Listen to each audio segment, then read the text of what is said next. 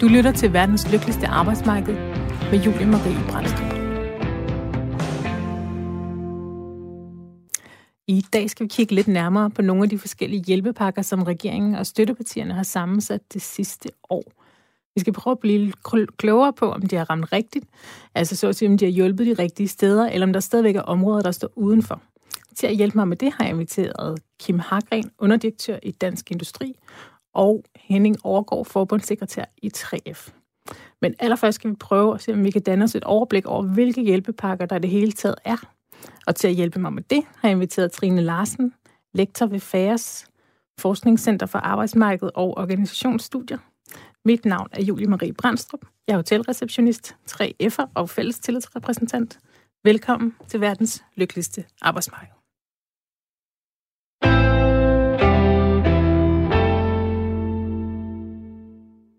Så nu vil jeg sige velkommen til dig, Trine Larsen, lektor ved FAERS på København Universitet. Jo, tak. Vil du ikke... være med. Ja, men velbekomme.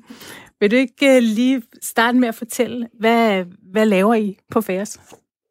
Jamen, vi forsker blandt andet i forskellige aspekter omkring arbejdsmarkedets indretning, kollektive overenskomster, og her i de seneste par år har jeg arbejdet sammen med min kollega Anna Ilsø omkring øh, atypisk beskæftiget og de udfordringer og muligheder, de giver på arbejdsmarkedet, og hvordan de er omfattet af det, vi kalder den såkaldte danske model. Det vil sige, hvordan de er tænkt ind i forskellige overenskomster og arbejdsmarkedslovgivning. Sådan. Og du har lovet at uh, prøve at gøre os lidt klogere på, hvad der er op og ned i de coronahjælpepakker, som regeringen over det sidste års tid har vedtaget. Der er et hav af forskellige hjælpepakker. Hjælp til faste udgifter, lønkompensation, arbejdsfordeling og forhøjet dagpengesats. Og alt det skal vi se, om vi kan få dannet os et overblik over.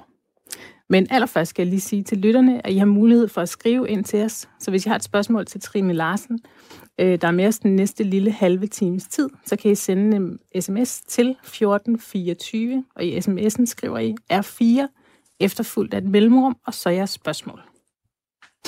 Og det hele det startede jo øh, allerede tilbage i marts sidste år, hvor Mette Frederiksen populært sagt lukkede landet ved pressemødet, det famøse pressemøde den 11. marts. Og ganske kort tid derefter kom de første hjælpepakker. Og vi skal ikke gennemgå dem alle sammen slavisk, for der er vist øh, på nuværende tidspunkt over 30 forskellige hjælpepakker. Øhm, men vi skal prøve at danne os et overblik øh, over, hvad regeringen har gjort for at holde hånden under beskæftigelsen. For det er vel øh, det, der har været det primære formål med hjælpepakkerne, er det ikke? Øh, det er mig, du taler til, ikke? Jo, jo det er jo, det. okay. Jo, øh, jo, men som du også nævner, ikke, de har jo vedtaget en bred vifte af hjælpepakker, og de retter sig jo så både mod danske virksomheder, men også de beskæftigede på arbejdsmarkedet, som på den ene eller anden måde er blevet ramt af coronakrisen. Og som du også siger, så er der mere end 30 hjælpepakker, og af flere omgange er de blevet udvidet og forlænget i forhold til at kan fagne flere forskellige grupper, både store og små virksomheder, den enkelte freelancer, men også forskellige grupper af beskæftigede på arbejdsmarkedet, både den arbejdsløse, personen, som er på sygedagpenge eller øh, sygefravær, til freelancerne, til de atypisk beskæftigede osv. Og nogle af de øh, hjælpepakker, der har været, de er dels rettet sig mod at dække virksomheders faste udgifter. Andre de har givet muligheder for, at virksomhederne kunne få momsudskydelse, lån. Og derudover så er der også den her række af pakker, som retter sig specifikt mod lønmodtageren, men også virksomheden herunder lønkompensationsordningen, som dækker op til 75 procent af lønomkostningerne blandt kriseramte virksomheder. Så har man eksempelvis arbejdsfordeling, som er en anden hjælpepakke, hvor man har blødt lidt op på reglerne i forhold til at give virksomheder øh, mulighed for at skrue op og ned øh, for medarbejderstaten, ja. øh, hvor nogle grupper hjemsendes med dagpenge, så frem de opfylder kravene. Derudover så har vi også de her rækker af hjælpepakker, som retter sig mod freelancerne, de små virksomheder, kombinatørerne, det vil sige folk, som kombinerer selvstændig virksomhed med almindeligt lønarbejde. Og så har du hele den her platformer og hjælpepakker, der retter sig også mod kulturlivet. Ja, så der er, der er nok at gå i gang med. Men skal vi prøve ja. at starte med at kigge en lille smule på, på virksomhederne? Øhm, for der er nogle virksomheder, der kan få dækket faste udgifter. Og hvad skal der til, for en, en virksomhed kan, kan få dækket de faste udgifter? Og, og hvad og hvor meget er der ligesom mulighed for, at man kan få dækket?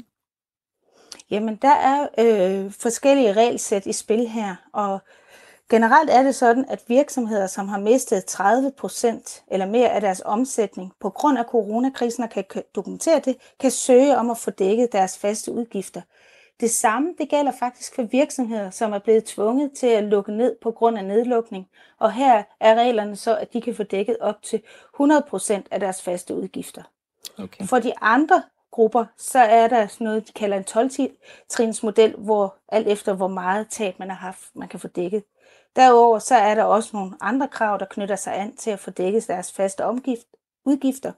Blandt andet er der et krav om, at man som minimum skal have i gennemsnit af 4.000 kroner i faste udgifter om måneden, for at kan søge øh, omkring fordækning af ens faste udgifter. Altså, det lyder som om, det er noget af en jungle at finde rundt i. Det er det også. Er det her, så det her, det gælder, jeg skulle lige sige, det gælder uanset virksomhedens størrelse, hvis man altså har faste udgifter for over 4.000 om måneden? Det gælder for alle virksomheder. Dertil kommer, at så de små selvstændige, der er der nogle lidt andre regler, også nogle andre hjælpepakker, der kan gå ind og hjælpe i forhold til at dække deres øh, øh indkomsttab på forskellige måder. Her, det drejer sig så blandt andet om øh, hjælpepakkerne til små selvstændige og til virksomheder med under 25 ansatte, til freelanceren og til øh, hvad hedder de forskellige soloselvstændige og kombinatørerne. Og så har vi faktisk fået et spørgsmål her fra en af vores lytter, der hedder Claus. Han skriver, er der udsigt til, at virksomhedernes egen betaling i forbindelse med lønkompensation bliver reduceret, da mange virksomheder løber tør for egen kapital?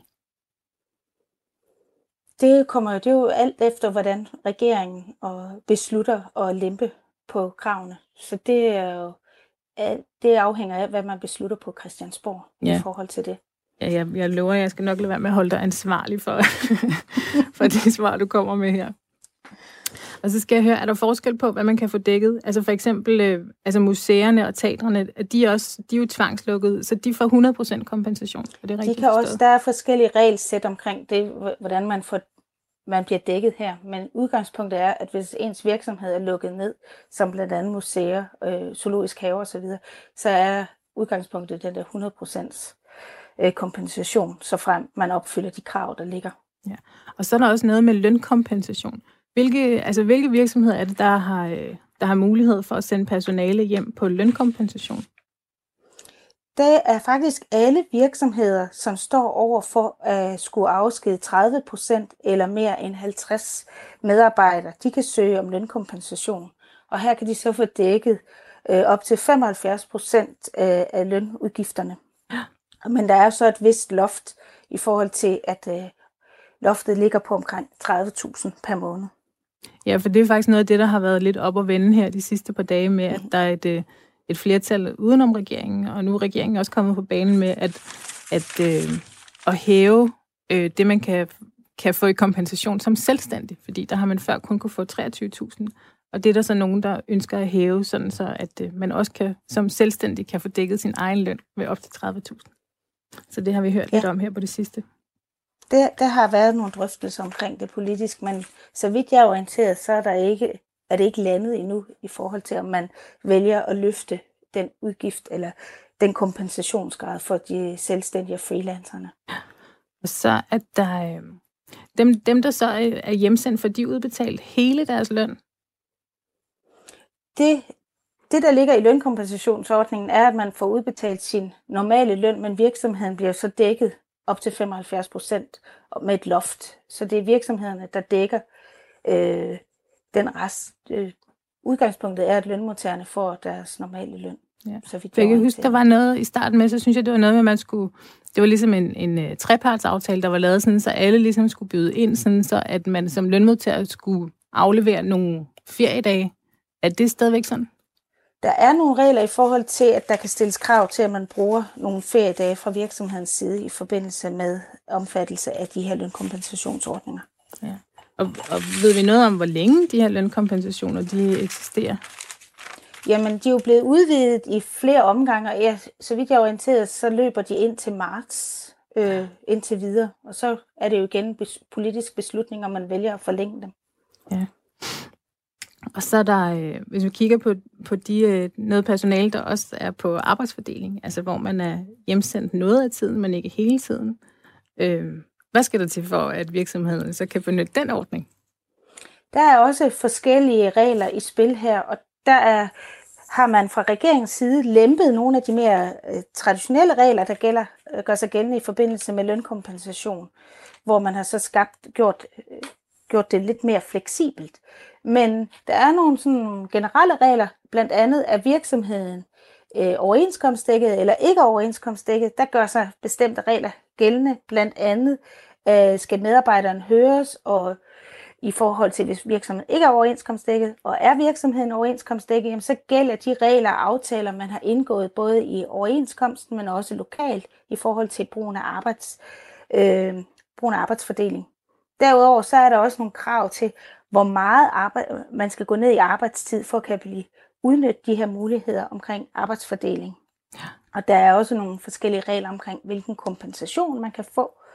Øh, og der har man igen øh, ændret lidt på reglerne senest i september, hvor man gjorde det muligt, at lønmodtagere, som ikke var medlem af en A-kasse, øh, suspenderede man det krav. Og derudover så for de grupper, som ikke var dagpengeberettiget, jamen så lavede man en model, som gjorde, at øh, hvis man indbetaler tre måneders kontingent til A-kassen, for hver måned, man er på arbejdsfordeling, jamen, så kan man også få forhøjet dagpengesats og adgang til dagpengene her. Ja, lige præcis, fordi jeg er jo øh, hotelreceptionist, og vi er faktisk lige, lige nu hjemsendt på 50% arbejdsfordeling. Så lige den her øh, arbejdsfordelingsordning, den ved jeg en lille, en lille smule om. Øhm, netop det der med, at øh, hvis man ikke er medlem af en A-kasse eller dagpengeberettet, så har man mulighed for ligesom at betale sig for at få supplerende, mm-hmm. supplerende dagpenge. Øhm, de her, altså de her, alle de her ordninger, som vi har talt om indtil videre, er de rimelige for virksomhederne? Der er nogen, der, der ligesom lider lidt, lyder det som i hvert fald.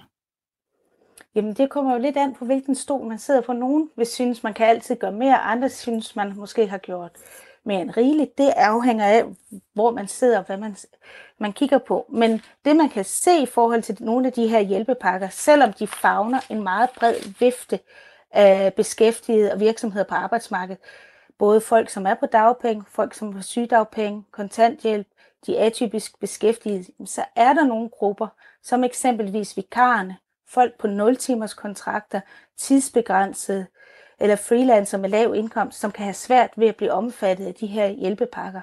For eksempel så dækker lønkompensationsordningerne og arbejdsfordelingsordningerne kun fastansatte. Og det betyder jo så, at folk, som er ansat i vikariater, ikke kan være del af ordningen, og dermed også den beskyttelse, der ligger både indkomstmæssigt og beskæftigelsesmæssigt her. Derudover så ser vi også, at der er nogle grupper, som freelancerne, som har svært ved at leve op til de beskæftigelseskrav, der er i forhold til dagpenge, men de kan også have svært ved at leve op til de indtægtskrav, der er i de forskellige hjælpepakker, som er rettet mod de her grupper. Ja. Og hvad, hvad, gør, øh, hvad gør vikarerne så for eksempel i den situation, hvor de ikke øh, er omfattet, om, omfattet af nogle af de her pakker? Jamen, øh, de kan jo, er de medlem af en A-kasse, så har de jo mulighed for at søge dagpenge. Men så frem du ikke kan opfylde beskæftigelseskrav, som er cirka 1.980 timer inden for en treårig periode, så, så er de jo så er der ligesom, er de ligesom faldet lidt igennem det her sikkerhedsnet, som ellers er spændt ud i forhold til de her grupper. Ja, så, så ja, du, du, har, undskyld, du har været lidt inde på det, men mm. øh, hvordan har regeringen så forsøgt at hjælpe de her med atypiske ansættelser, freelancer og iværksættere? Og iværksættere, hvordan, hvordan hjælper de dem gennem krisen? Jamen, i forhold til freelancer, iværksætter og kombinatørerne, altså dem, der har en selvstændig virksomhed med andet øh, lønmodtagerjob, jamen der har man lavet en række hjælpepakker, der er særligt rettet mod de her grupper, og de søger så at dække det indkomsttab, de har, hvis de igen lever op til de her krav. Øh, kravene, som er udspecificeret i de forskellige hjælpepakker. Blandt andet har du haft et tab på indkomst og kan dokumentere det på 30 procent, og har du haft en årlig indtægt på 100.000 eller 10.000 om måneden, jamen så kan du søge om, om at få hjælp øh, fra de her hjælpepakker. Det vi så kan se fra nogle undersøgelser, jeg har lavet sammen med min kollega Anna Ilsø, det er, at især freelancer og iværksætter kan have svært ved at leve op til de øh, krav om indtægt, øh, min, minimumsindtægter. næsten i forhold til vores undersøgelse. Den er jo så ikke repræsentativ, det var en websurvey, men der kunne vi se, at hver tredje free, freelancer øh, havde en indtjening på under 100.000 om året, og det galt også for omkring hver fjerde iværksætter, og dermed kan de ikke blive del og søge de her hjælpepakker. Derudover var der også nogen, der havde svært ved at kunne dokumentere det her indtægtstab, fordi de har en meget svingende indtægt i løbet af, af året. Ja, det skulle jeg lige til at sige, for det der med at dokumentere det, det kan vel være, netop som du siger, når det er svingende indtægter, så kan det vel være en ret stor udfordring. Hvad, altså, hvad gør man i den situation? Kan, kan man så få nogen til at kigge specifikt på en sag, og gå ned og, og sagsbehandle den enkelte sag, eller, eller hvad gør man i den situation som selvstændig? Hvis man der er mangler nogen, dokumentation. der har brugt øh, altså revi, revisor, men der er også andre, som ikke har brugt det, og selv i forhold til, om man bruger det, så kan det jo være svært at dokumentere i forhold til, når man har en uforudsigelig øh, indtægt, og dermed så står man igen, så falder man lidt igennem øh, det her fine sikkerhedsnet, som er blevet spændt ud. Ja. Og hvad sker der, hvis man, når man falder igennem? Er, er der noget, kan man ligesom øh, anke, anke det, eller søge igen, eller hvad, hvad gør man? Altså man kan jo søge igen, men vi kan også se, at der er en ret stor gruppe, som slet ikke har haft nogen. Det her det er sådan en undersøgelse, der tog udgangspunkt under forårets nedlukning.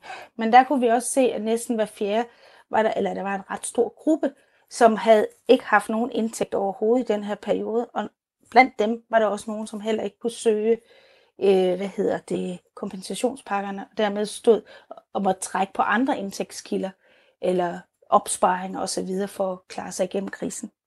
Hvad, hvad tror du, det her kommer til at have betydning for iværksættere sådan, øh, på, på længere sigt?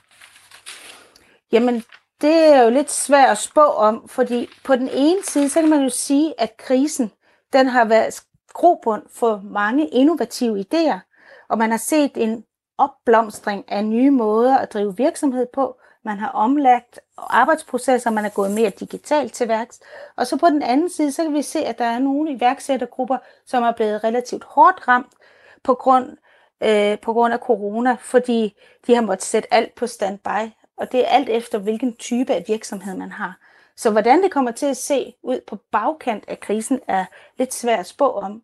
Men vi ved, at værksætter og freelancer er vigtige hjul øh, for den danske økonomi. Og ved at man støtter og hjælper dem sikkert gennem krisen, jamen så kan de være med til at bidrage til på den anden side at få gang i hjulene igen, øh, og dermed en opblomstring af dansk økonomi. Hvorfor er iværksættere vigtige hjul? I og med, at det er nogle af dem, som bidrager med nye idéer og nye øh, måder at drive virksomhed på, kan de være vigtige i forhold til øh, at få sat gang i, i nye former for øh, beskæftigelse og, og virksomhedstyper osv. Ja. Det skal lige, hvor mange, øh, hvor mange atypiske ansættelser, det kom jeg lige væk fra før, findes der mm-hmm. sådan øh, typisk i Danmark? Og... Vi har, ja, ja vi har hvordan... lavet forskellige undersøgelser, alt efter hvordan man sådan gør det op.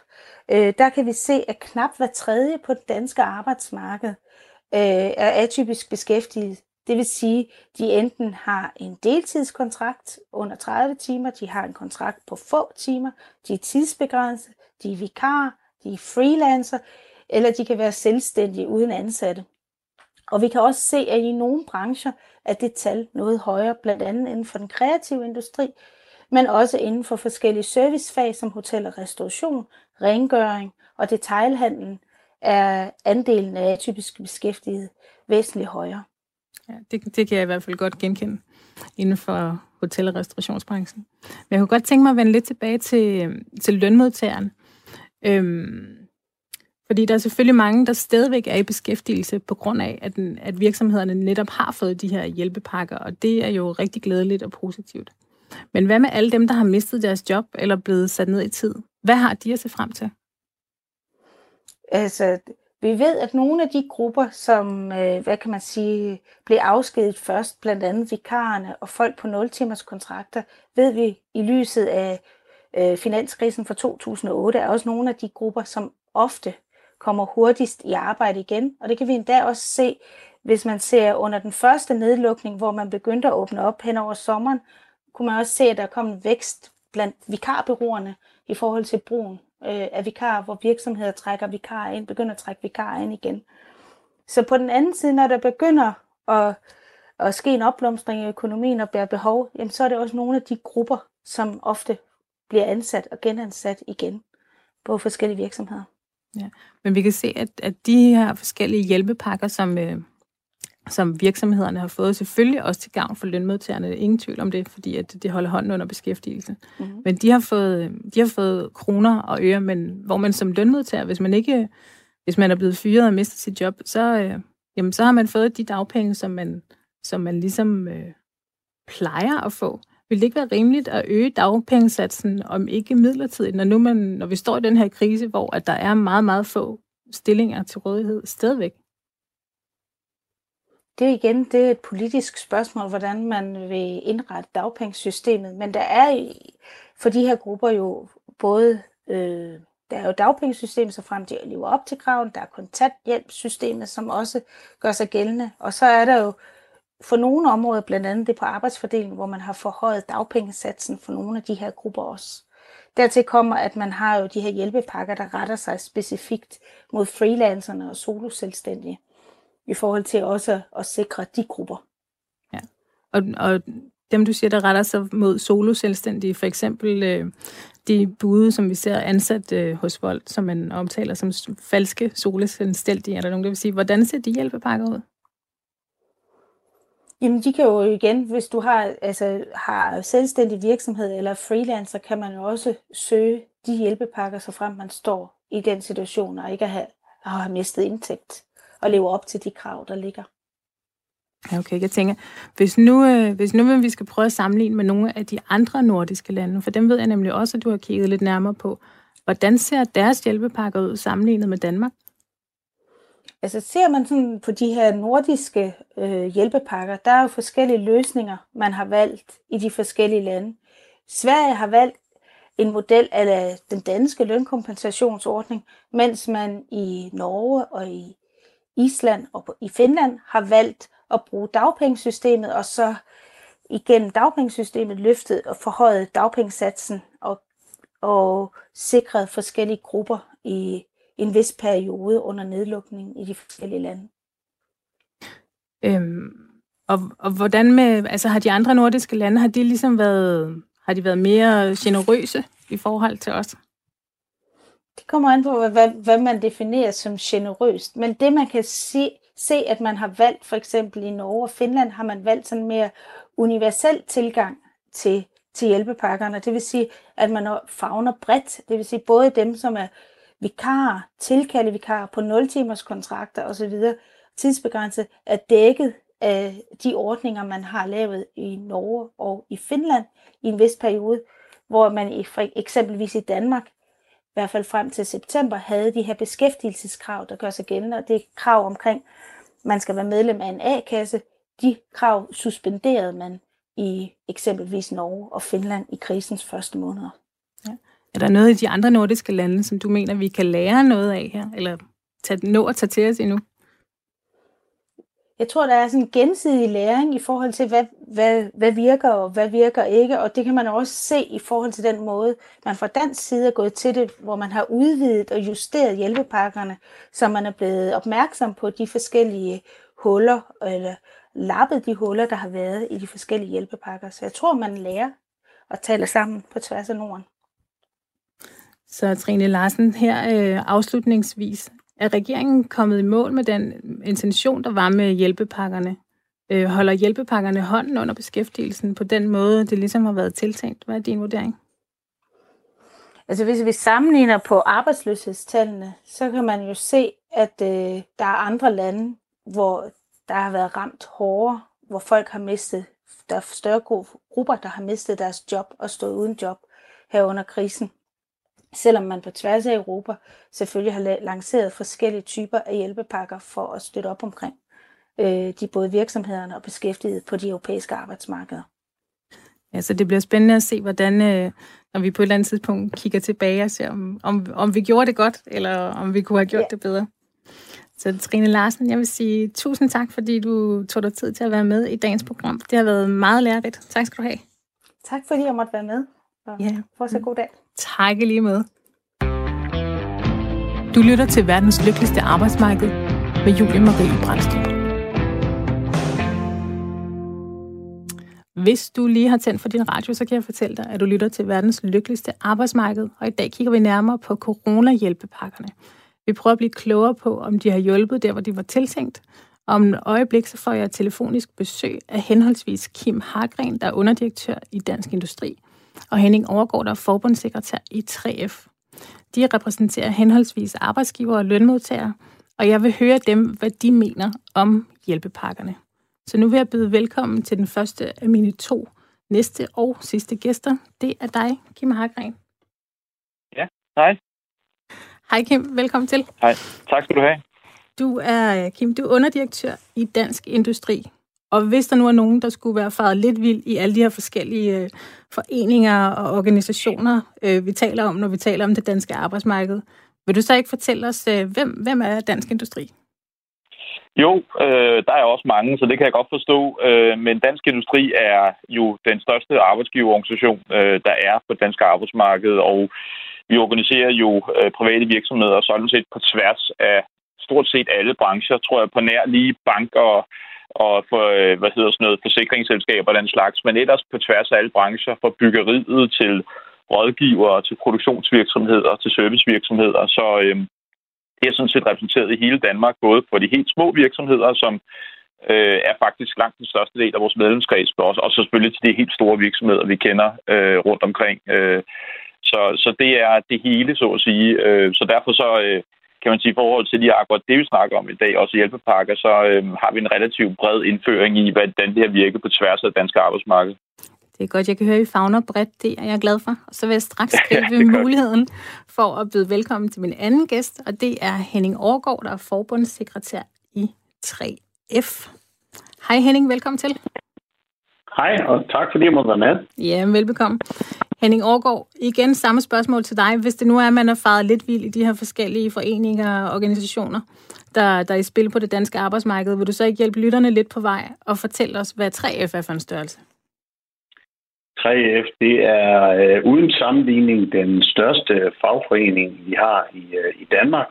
Og vi øh, fagner bredt øh, medlemmer, der arbejder inden for byggeri, transport, service, hotel og restauration, rengøring, offentlige ansatte, øh, øh, gardnerier, landbrug, mejerier, øh, industriens folk. Øh, det, er, det er det. Så det var heller ikke så lidt. Så det er de helt rigtige øh, mennesker, jeg har fået fat på her i dag, kan jeg høre. I, I dækker stort set det hele. Det er jeg rigtig glad for. Så øh, lad os prøve at se, om ikke vi bare skal kaste os ud i det. Øh, Kim Hagren, øh, regeringens øh, hjælpepakker, har de øh, ramt rigtigt? Uha, det er jo et rigtig godt spørgsmål. Øh, altså jeg vil sige, jeg har sådan set været med fra start. Altså jeg har været sådan ansvarlig, kan man sige, for, for Dansk Industris indsats og sparring, kan man sige, både i forhold til medlemmer, og sådan set også øh, og folketingspartier siden øh, ja, marts sidste år. Øh, og, øh, og man kan sige, det man må sige helt grundlæggende, det er jo, at der må være, øh, sådan, når man kigger tilbage på det, en stor ros egentlig for, at at øh, regeringen og sådan så også folketingspartier generelt har ønsket at hjælpe dansk erhvervsliv og danske lønmodtagere generelt. Det tror jeg, man må sige, at det har man faktisk haft en stor ambition om at gøre hurtigt. Øh, det man kan sige, man vi så står tilbage med nu, det er jo, at vi har, jeg talte lige op forleden, øh, at vi faktisk har 34 politiske aftaler, der er blevet til øh, en del af kompensationsordningerne. Og det er klart, at øh, det har jo, fordi selvfølgelig vi har stået med en pandemi, som har hoppet frem og tilbage og har påvirket forskellige dele af vores samfund i forskellige tidspunkter. Men det er klart, at det er jo så blevet et stort miskmask af de her 34 politiske aftaler, som jo på tværs af det seneste år jo har hjulpet, kan man sige, forskellige dele af dansk erhvervsliv øh, og forskellige brancher, afhængig af, hvor de her restriktioner er henne. Så det er, øh, man kan sige, grundlæggende intention har været god, og de har hjulpet i stor omfang, men det er et meget, meget øh, så man sige, kludertæppe af aftaler, der er lavet, og det har været er frustrerende for både os, der sidder, kan man sige, og hjælper virksomhederne med dem, men også selvfølgelig ude for virksomhederne selv, altså få et overblik over det her. Det tror jeg, der er meget få mennesker i det her kongerige, må jeg nok sige, inklusive myndigheder, som faktisk har i dag. Og det gør jo, at, at man kan sige, at både sagsbehandling af sagerne og virksomheder, der ansøger, de er lidt på herrens mark nogle gange i forhold til, hvordan de søger de her ordninger, om det hovedet er berettiget eller ej. Og, øh, og det, det skaber faktisk nogle problemer, må man sige. Men intentionen har været der, vil jeg sige. Ja, det er godt at høre. Og samme spørgsmål til dig, bund og grund, Henning Aargaard. Hvad, hvad mener du derfra, hvor du står? Har regeringens hjælpepakker ramt rigtigt? Ja, altså vi øh, i tre efter deler vi jo øh, Kim og Dansk Industris overordnede ros omkring det, de initiativer, der er taget. Øh, så det, så det overordnede svar, det er ja, det, det har helt klart ramt rigtigt. Øh, der er ingen tvivl om, at øh, man kan sikkert godt finde nogle udfordringer, man kan også finde nogle små pletter på skjorten. Men, men det overordnede, det er, at Danmark har gjort det bravende godt med de her politiske aftaler, som regeringen har lavet, hvor fagforeningerne og arbejdsgiverforeningerne har, har, har, har bidraget til det. Pakkerne har selvfølgelig ikke kunne redde alle, men formålet har jo været at redde så mange job og levevej som overhovedet muligt. Og det synes jeg faktisk, det er lykkes i ret stort omfang, når vi ser på ledighedstal også. Så har vi grund til at være stolte over de løsninger, vi finder sammen i, i Danmark her mellem arbejdsgiver, fagforeninger og Folketing. Ja, så helt overordnet kan jeg forstå på begge to, at vi godt kan være stolte af den danske model, at vi har formået at at finde nogle løsninger i, øh, i fællesskab. Men så skal vi alligevel prøve at se, om ikke vi kan finde et lille hår i suppen. Måske. Regeringen, den, øh, regeringen har bevilget de her rentefri fri lån til betaling af skat og moms her på 1. marts. Og Kim Hagren, hvad, hvad tror du, der kommer til at ske? Vil sådan et rentefrit være lån til et rentefrit lån være nok til at holde hånden under de virksomheder, der er lige på kanten nu? Altså, der er ikke nogen tvivl om, at de seneste tiltag med øh, både udskydelse af A-skat og moms, og også nu de låneordninger, der lige er kommet, øh, så at sige, i sidste uge, øh, har været helt nødvendige, øh, fordi at der var mange virksomheder, som simpelthen ikke havde den likviditet, der skulle til til at betale de her ting nu, i, i, som stod for døren. Så det har været helt afgørende i, på den her bane lige nu, at der var noget likviditet i virksomhederne, særligt de her små og mellemstore virksomheder, der har det været fuldstændig afgørende det er klart, at det her er jo ikke løsningen på sigt. Altså, det her er jo en løsning nu og her, og øhm, det er klart, at det vi kigger ind i nu, det er jo, altså, det er jo med usikkerhed i, hvor lang tid øh, den her nedlukning for mange virksomheder kommer til at vare. Øhm, og derfor så er det jo, øhm, altså, det, det, det er klart, at det, det gør det lige nu og her, men det er på sigt, der er det selvfølgelig noget andet, der skal til. Det er jo at vi restriktionerne stille og roligt bliver hævet, og virksomheder og økonomien kommer i gang igen, og vi kommer ud og bruger penge igen. Det er det, der skal holde hånden under alle de her øh, virksomheder, vores hoteller, restauranter osv., som lige nu jo lever på låntid. Fordi det, man skal huske, det er jo, det er jo låneordninger, øhm, og, øh, og det, man får i kompensationsordningerne, er jo også faste omkostninger. Det vil sige, hele omsætningen, den fortjeneste, nogen skulle have haft i, i øh, for eksempel, man har op til jul eller andre steder, hvor man, øh, den er der jo ikke. Øhm, så hele den der kapitalopbygning, den er der jo ikke. Så det, man, man filer jo på, på alle lånemuligheder i øjeblikket, og man bruger alle de penge, man har så at sige haft stående øh, de bliver brugt øh, til at betale øh, forskellige udgifter nu her lønninger og så videre, også, som man jo øh, også skal betale noget af som arbejdsgiver. Ja, det er det. Så der er for alvor brug for, kan man sige, fortsat at holde hånden under øh, den her gruppe virksomheder, også i månederne fremadrettet. Ja. Kan jeg høre dig sige, at øh, ville det måske have været en idé, i stedet for at, at give dem et rentefrit lån, og så lige frem altså eftergive betalingen, ville det have været bedre hjælp at have, have hjulpet hele samfundet bedre på sigt? Altså, det er klart, at, at øh, det, det, er jo, det er jo muligheder. Man skal selvfølgelig huske her, at der er jo, øh, der er jo et, øh, der er nogle, både nogle EU-statsstøtteregler, man skal være opmærksom på i forhold til, hvad kan man overhovedet øh, rent retsligt. Og så er der selvfølgelig også en omkostning ved at omgive eller eftergive så mange penge. Så det skal man selvfølgelig regne efter, fordi det, det, det er jo penge, der skal hentes et andet sted. Men jeg synes i hvert fald lige nu, at likviditeten er afgørende. Og, og, det, og det her med nu, at Altså, vi havde gerne set en udskydelse af skatten frem for at skulle faktisk indbetale den nu, og så ansøge om at låne det samme beløb. Det vil sige, at virksomheden havde ud sådan en dobbelt nu her, hvor de skal så at sige ansøge om det, de har indbetalt som lån. Så det er sådan en ny administrativ ting, man skal i gang med nu. Så, så vi havde egentlig gerne set bare en udskydelse. Men det er klart, at vi, de er jo afhængige af de her udskydelser hele tiden, at vores samfund åbner op snart igen. Altså det er jo det, der er afgørende for, at der er en reel mulighed for tilbagebetaling. Og det er jo selvfølgelig det, vi kigger meget ind i lige nu. Hvornår kan det lade sig gøre? Ja. Og Henning Aargaard, hvordan, øh, hvordan ser du den situation, som der er lige foran os her 1. marts med betaling af moms og skat? Tror du, at det her rentefri lån, at det, at det kommer til at holde hånden under øh, flere øh, arbejdspladser? Det tror jeg, at det gør i en vis udstrækning. Jeg synes også, det er fornuftigt at give noget elastik, hvis man må sige det på den måde, til de virksomheder, der har brug for det i den her situation. Jeg synes også, det hører med til billedet, at vi skal tænke over, at alt det, vi udskyder, det skal vi jo sikre, at det kommer med ind i kassen øh, bagefter. Så der er jo en risiko forbundet ved, at skulle nogle af de her øh, virksomheder, der får udskudt deres betalinger og risikerer at dreje nøglen efterfølgende, så er det ikke sikkert, at vi får pengene ind. Øh, og så synes jeg også, at vi står her, altså coronaens hjælpepakker til erhvervsliv og selvstændige erhvervsdrivende, de har vel en gang for alle bekræftet os alle sammen i, at det er klogt at betale skat, moms og afgifter til den fælleskasse, der skal holde hånden under os, når samfundet rammes af en krise.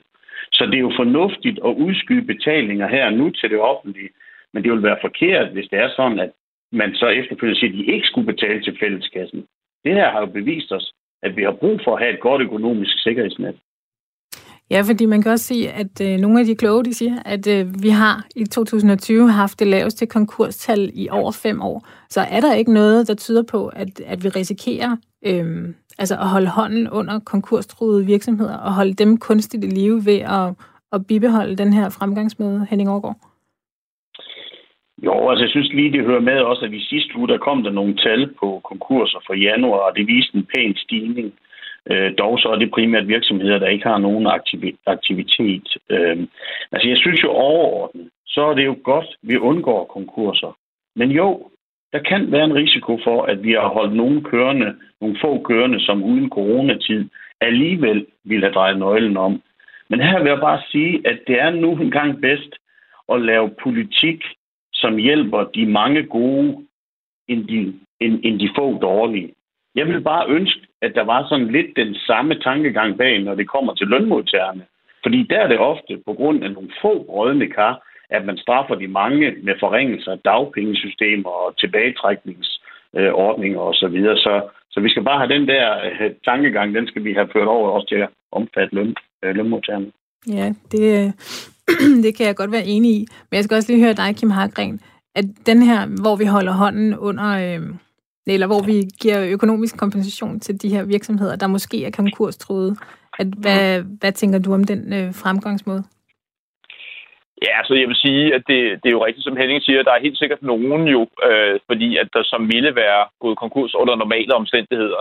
Det vil der være nogen, der vil være. Men grundlæggende så har tanken jo været her, at vi at man, siger, man kan ikke skille dem ud lige nu. Nu er det vigtigst, at vi bredt i dansk erhvervsliv holder hunden under mange.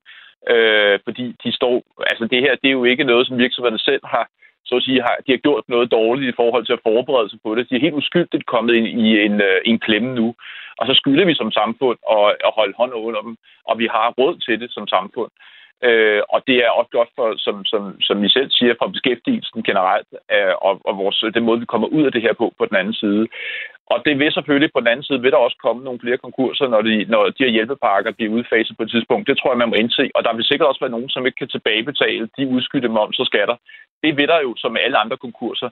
Men det er vigtigt, tror jeg, nu at se på det store billede. Der ser det altså ud som om, som det er lige nu billedet, at dansk erhvervsliv har klaret sig øh, bedre end mange andre steder i Europa. Og der tror jeg, at den her handling, som vi har politisk, er, er virkelig vigtigt, øh, at vi kan komme videre. Så vi også har råd til det velfærdssamfund, som vi alle sammen gerne vil have på den anden side. Og det tror jeg er det rigtig vigtige lige nu. Så det er vigtigt, at vi fortsætter indsatsen nu og holder dem ind til, at vi er færdige med at, øh, at holde vores samfund lukket ned. Og så tror jeg faktisk på, at, at vi vil komme, komme hurtigt ud igen og stimulere vores samfund med initiativer, som regeringen og andre også har lagt i støbeskeen. Og så tror jeg på, at vi kan komme positivt ud på den anden side af det her, forhåbentlig øh, på den anden side af i år, og så i givet fald også i 22 med en mere positiv vækst i Danmark. Ja.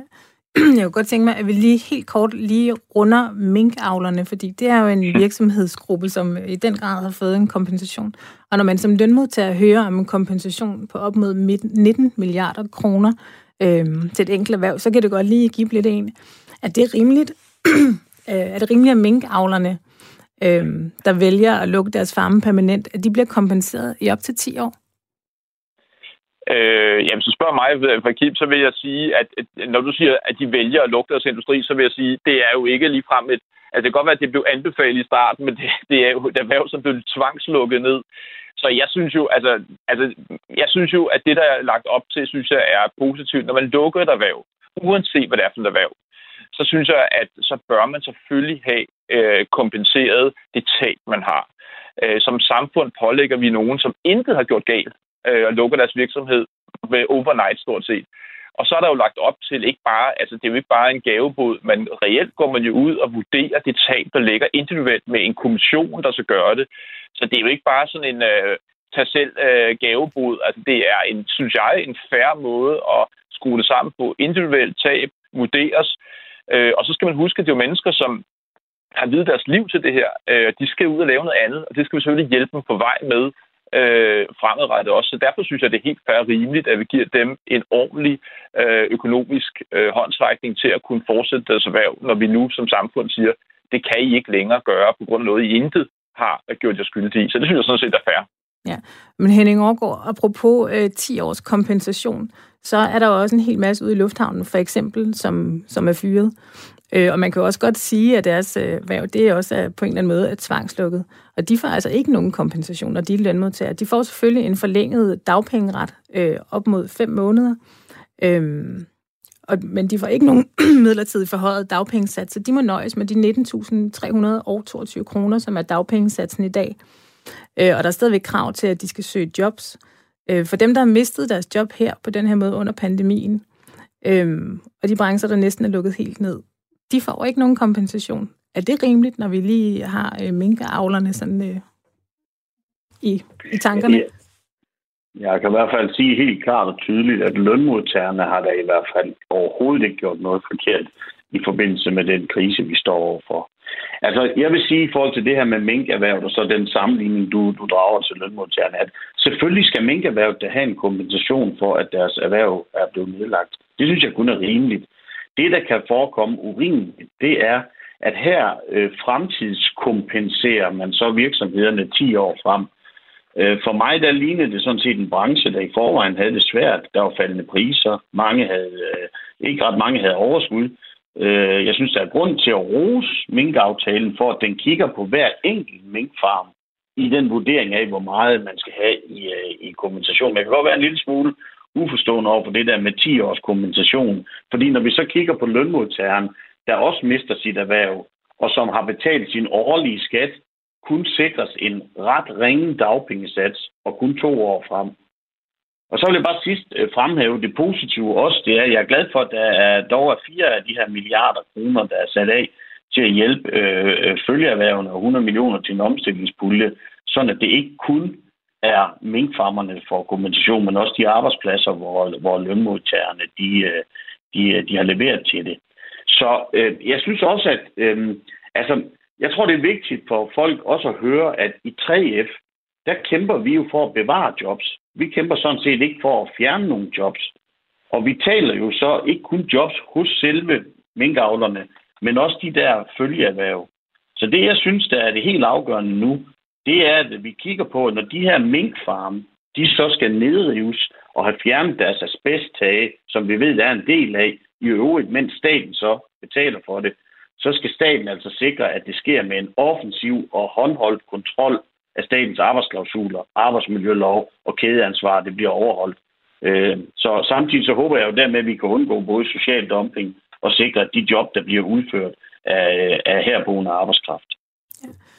og lidt samme spørgsmål til dig, Kim Hagen. Hvad siger du til den her sammenligning med, med 10 års kompensation til minkavlerne og, og de andre, som øh, har mistet deres, deres job på grund af pandemien? De, de får faktisk ingen kompensation andet, end, end hvis de er medlem af en a-kasse.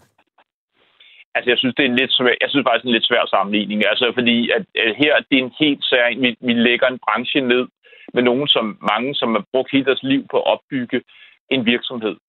Og, øh, og det, det skal vi jo være nødt til at sige, at det kommer der til en periode, hvor de skal finde ud af, hvad skal vi lave nu? Altså, det er jo, det er jo ikke bare noget, man bare lægger om. Man har videt sit liv til det her ligesom alle mulige andre brancher. Og, det, og jeg ved jo også godt, det kan være svært for nogle andre brancher, som er blevet afskedet at få et arbejde.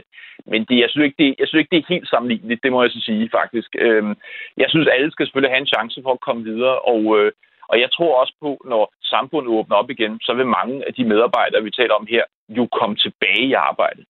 Øh, lufthavnen vil jo åbne igen. Øh, der vil jo komme tryk på lufthavnen igen. Øh, folk vil tage ud og rejse igen.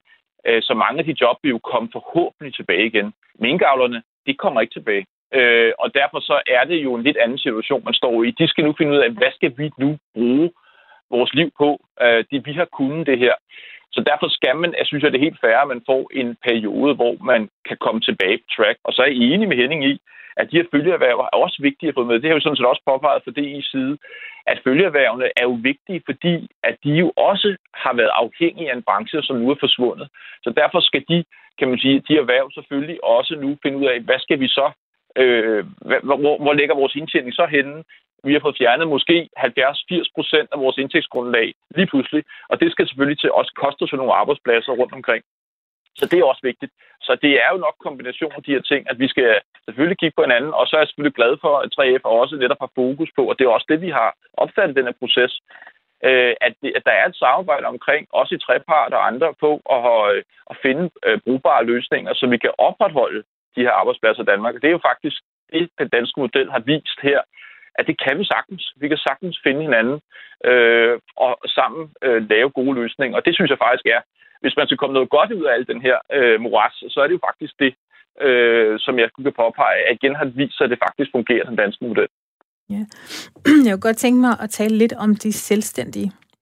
For hvis man er selvstændig og har op til 25 ansatte, så kan man få dækket 23.000 af sin egen løn. Men nu lader det til, at der er et flertal på Christiansborg, der vil øge det beløb, sådan så de selvstændige kan få dækket op til 30.000 af sin egen løn. Hvad mener du om det forslag, Henning Aargaard? Åh, altså, øh, jeg, jeg medgiver helt klart, at de selvstændige er ramt af nogle, øh, nogle særlige omkostninger, de jo bærer med sig, når de, når de øh, når de vælger at bruge de her lønkompensationsordninger, hvor de så fastholder deres, deres ansatte i deres forretning.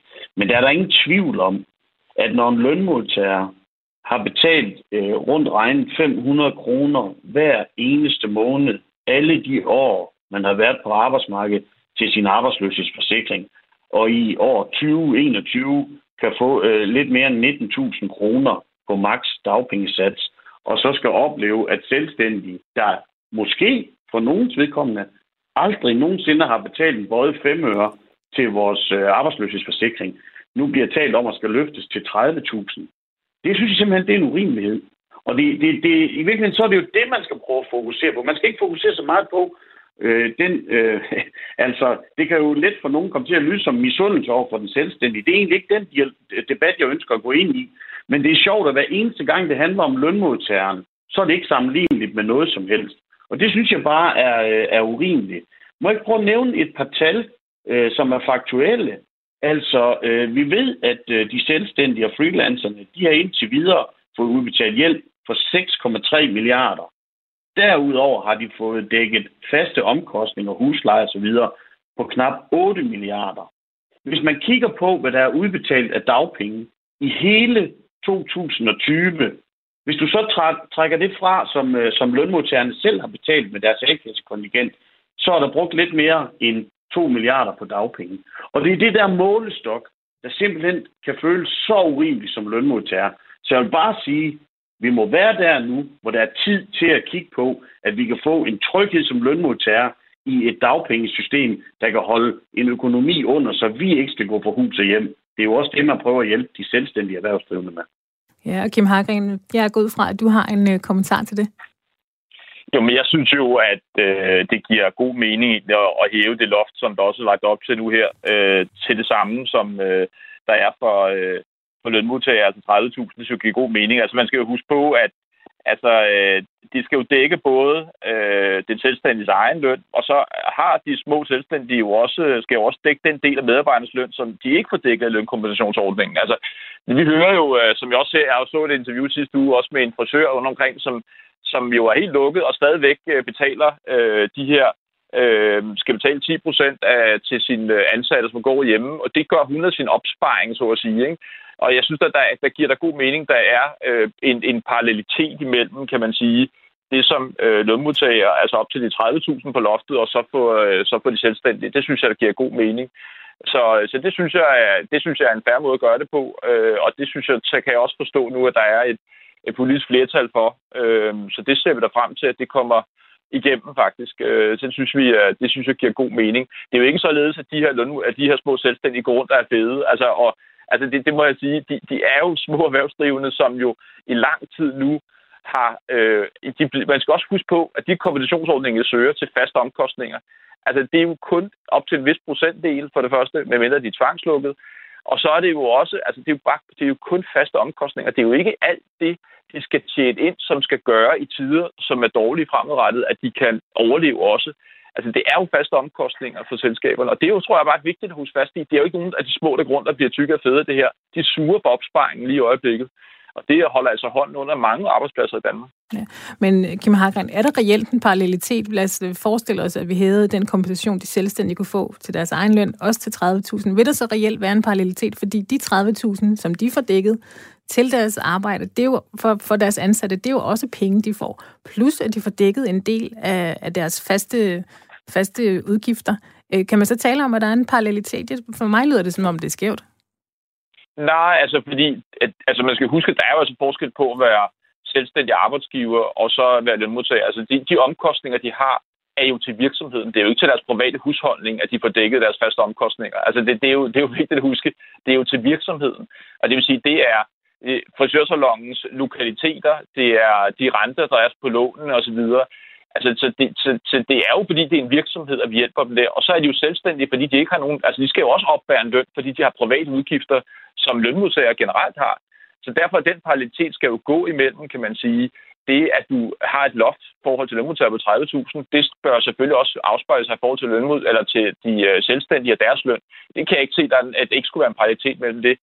Altså, det andet drejer sig om virksomheden, de faste omkostninger. Det er jo ikke således, at de kan fratrække deres private udgifter til deres hjem og andre ting og børneudgifter og alle mulige andre ting. Altså, så der er, jo, der er jo en forskel der, som man er nødt til at tænke og tage medinddrage her og, og skælde imellem. Og Henning Aargaard, hvad mener du, at øh, der ligesom er balance mellem det, der er givet til, lad os kalde det lønmodtagersiden og, og arbejdsgiversiden? Ah, jamen, jamen altså overordnet set, så, øh, så synes jeg da sådan set, at, øh, at der er en, øh, en, en okay balance. Øh, den, er, den er lidt svær, fordi overordnet set, så er der ikke en konflikt imellem det arbejdsgiverforeningen og så vi i fagbevægelsen øh, siger her. Jeg er så set øh, grundlæggende enig i det billede, Kim tegner af de interesser, vi har. Øh, øh, det har vores, øh, vores medlemmer også. De har også en, en, en stor gavn af, at vi understøtter de virksomheder, hvor deres arbejdsplads jo er. Øh, på, på trepartsaftalerne, der synes jeg sådan grundlæggende, det har været en okay fordeling af, hvad en arbejder og en arbejdsgiver har bidraget med. Men der, hvor det er skævt, det er først og fremmest på det her med dagpengenes størrelse. Fordi hjælpepakkerne, de redder jo sådan set mest der, hvor folk de bevarer deres job. Mens det er helt urimeligt, at dem, der rent faktisk rammes hårdest ved at miste sit job, det er faktisk er dem, der får den mindste hjælp. Og det er det, der forekommer, øh, en, øh, altså det forekommer altså ret urimeligt, øh, hvis, hvis jeg må sige det. Så, øh, så jeg synes, det er tid til, at vi, vi vender blikket på, at, øh, at lønmodtagerne de får spændt et ordentligt sikkerhedsnet ud under sig i forhold til et, øh, et, et veldækkende øh, dagpengesystem. Og det vil jeg også bare sige, det har vi jo også noteret os tidligere, at Dansk Industri har været ude at sige, at nu har vi altså øh, nu har vi savet nok i, i dagpengedækningen. Ja. Og her til allersidst, Kim Hargren, har du en sidste kommentar, på, der ikke er meget længere end en 30 sekunder? Nej, ikke andet end jeg håber jo simpelthen bare, at vi fokuserer nu på i det her samfund og øh, blive testet og, vi, og forhåbentlig vaccineret, og, øh, og vi så kan åbne vores samfund op øh, så hurtigt som overhovedet muligt. Det er rigtig, rigtig vigtigt for os alle sammen, både på arbejdsgiversiden og på lønmodtagersiden. Så det er, det er det, vi arbejder for at krydse fingre for nu, at både regering og folketingsparti arbejder hen imod. Så det er, og selvfølgelig, at vi kan komme ud på en anden krise, det her, anden side af den her krise alle sammen så hurtigt som overhovedet muligt. Ja. tror jeg var omkring 30 sekunder. Det tror jeg, du var ret i. Det var godt klart. så, øh, så her til sidst lad mig konkludere, at I faktisk overordnet er ret begejstrede for den danske model, og for den måde, som, øh, som det i fællesskab, regering, arbejdsgiver og lønmodtagers side er blevet håndteret, krisen er blevet håndteret indtil videre. Så øh, jeg vil sige Kim Hargren fra Dansk Industri, Henning Overgaard, forbundssekretær i 3F. Tusind tak, fordi I tog jer tid til at være med i programmet i dag og give os mening til kende. Tak, fordi I deltog. Det var en fornøjelse. Tak.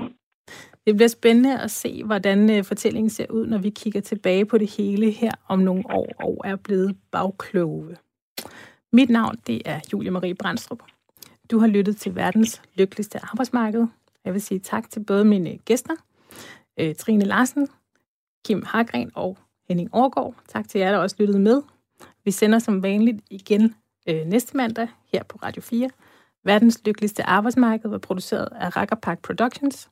Producer var som altid Julie Lindhardt Højmark.